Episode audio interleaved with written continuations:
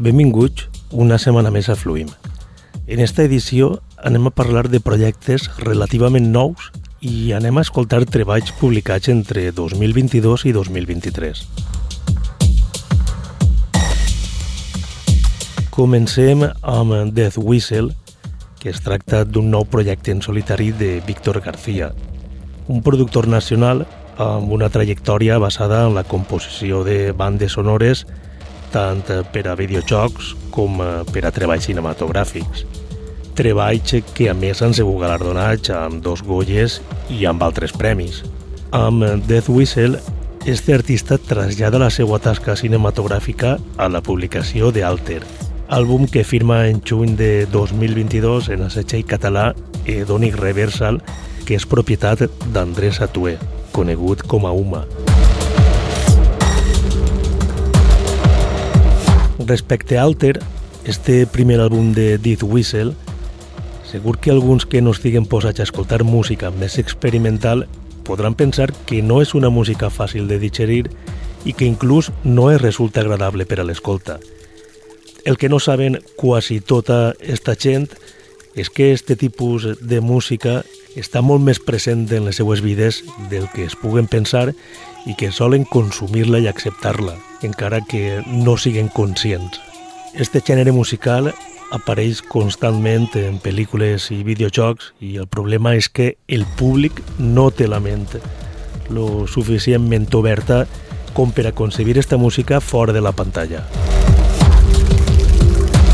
Doneu-vos una oportunitat i intenteu apreciar la gran tasca d'estos artistes que no és gens fàcil.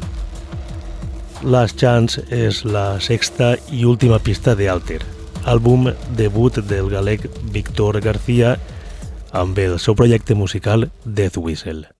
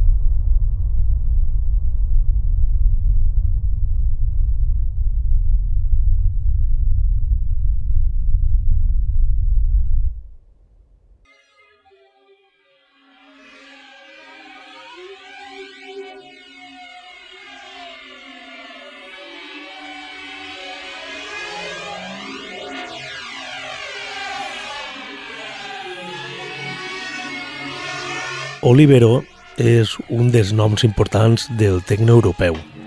Este artista britànic es va fer conegut a l'escena anglesa de techno i escranch per les seues produccions a mitjans dels 90. I així a Espanya el coneguerem per les col·laboracions amb Òscar Molero. Sempre que pensem amb Olivero, pensem amb el hard techno. No obstant, este artista porta anys reinventant-se amb altres projectes i un d'ells possiblement el que més prestigi li estiga donant actualment, és Broken English Club, amb el qual ha publicat grans referències a discogràfiques com la neoyorquina Lies Records, propietat de Ron Morelli. En agost de 2022, Broken English Club publica The Artificial Animal, un fantàstic àlbum que firma en el seu setxell Death and Leisure. En este disc, l'autor mescla línies degradades, tecno cru i peces sonores experimentals. Escoltem 5, 6 tall de l'àlbum.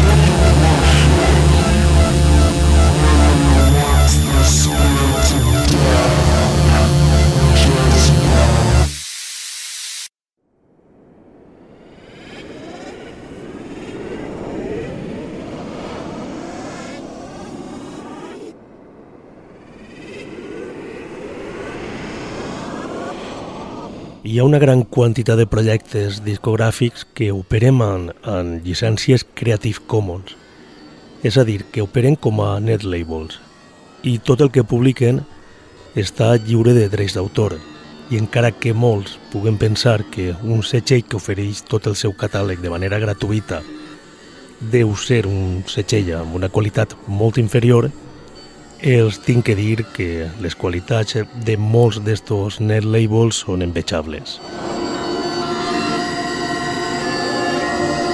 Cianorbe és un net label xilè anomenat des de 2021 Cianorbe Internet Daemon sense fins lucratius, amb un so orientat cap a l'electrònica oscura, atmosfèrica i experimental que porta publicades més de 200 referències. Esta discogràfica està dirigida per Sàvila Orbe i compta amb una peculiaritat i és que la majoria de música que publiquen està produïda íntegrament per dones.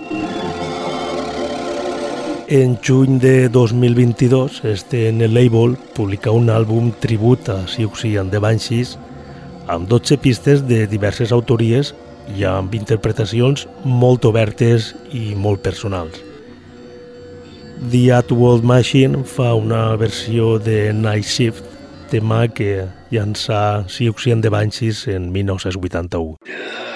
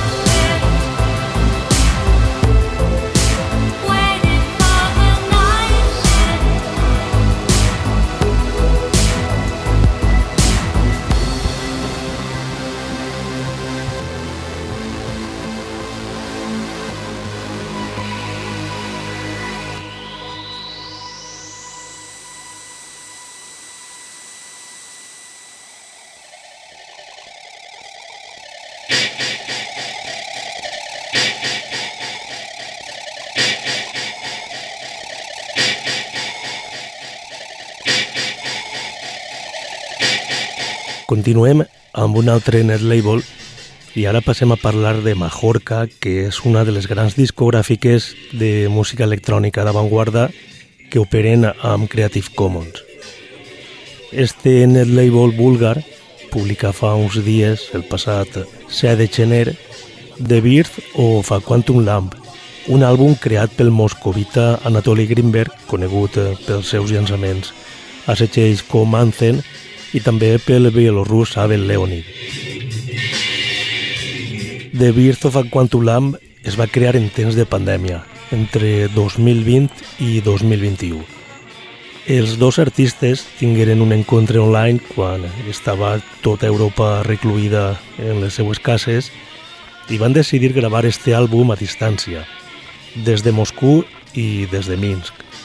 L'àlbum consta d'11 peces amb paisatges oscurs, pesats i també càlids. Música concreta, experimental i electroacústica. Escoltem Rubicon Pink Foam.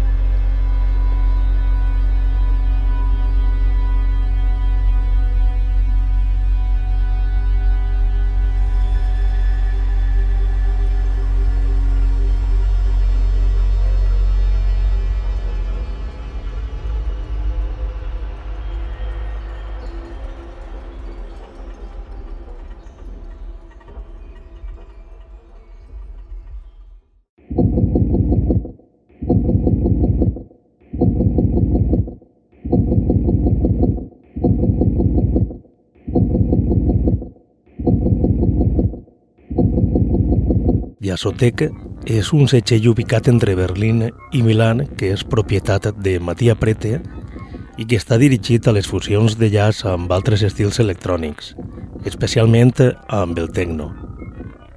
Jazzotec publica el passat mes de novembre el segon volum de This is Techno Jazz, que és una sèrie de llançaments que recullen temes de diversos autors i de grans noms, i que a més es mostren un gran treball en el que es fusiona la improvisació tradicional del jazz amb l'experimentació vanguardista del techno.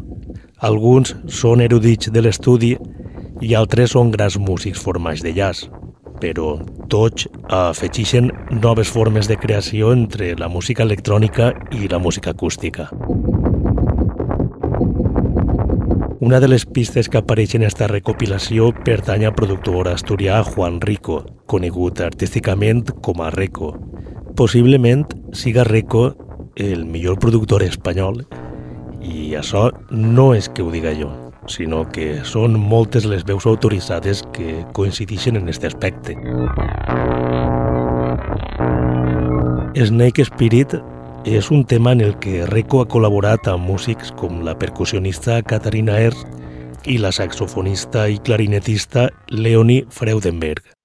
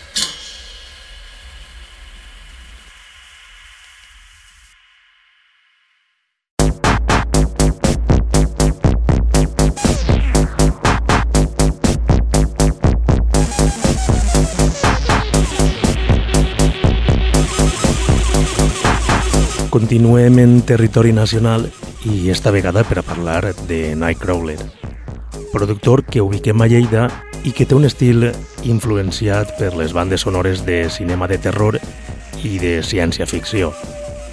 Nightcrawler eh, ha publicat fins ara quatre àlbums i ha participat en altres fent versions artistes com Abraxas o Laserpunk. El passat mes de novembre del 2022, Nightcrawler publica un llançament autoeditat al seu setxell anomenat Pervers Frequencies, que consta de cinc temes en els que fusiona estils com el dark synth, l'EBM o l'electrònica industrial, sense oblidar-se del so cinematogràfic en nota que tanca l'EP. Oxide, que és esta última pista, compta amb la col·laboració de 74 Robots, projecte del madrileny Andrés Menchen.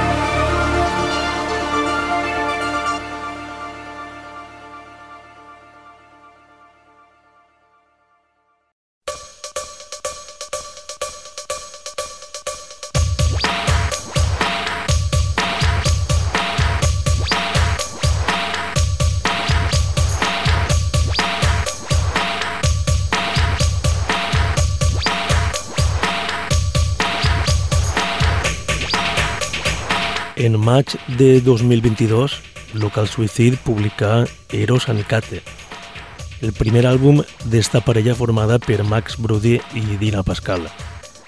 Este treball ha tingut després quatre rèpliques amb remescles i la quarta i última llançada el passat mes de desembre. Esta parella d'artistes, que són matrimoni en la vida real, és coneguda per fusionar diferents estils com el New Wave, l'àcid, slow techno, EBM o el dark disco i han aconseguit una bona premsa i un bon públic que es dona suport.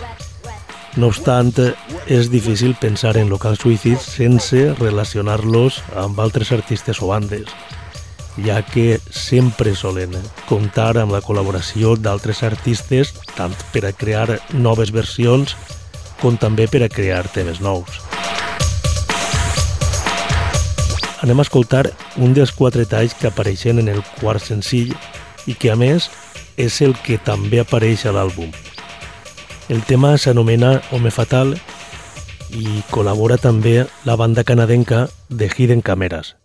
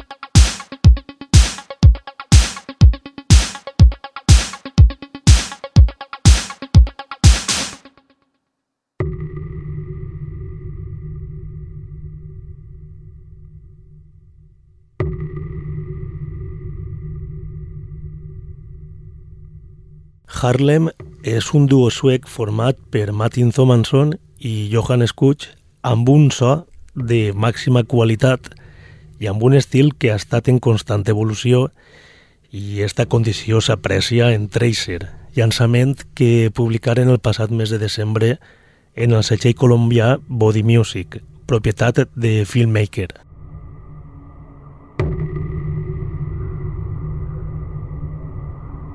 En 2021, Harlem publica Byte, que és el seu segon àlbum en la discogràfica italiana Veil Records, i ja ens va mostrar unes aptituds creatives molt personals, amb un so aspre i amb un estil molt novedós. No obstant, Tracer adopta un caràcter creatiu basat en diversos conceptes sonors i tot amb una qualitat abrumadora. Amb Poligrafell, segona pista de Tracer, acomiadem el programa d'avui. Així que vos espere la pròxima setmana en un nou capítol de Fluim. Acabeu de passar una gran setmana. Salutacions de Ximo Noguera des del Cira Ràdio i també des de la xarxa d'emissores municipals valencianes.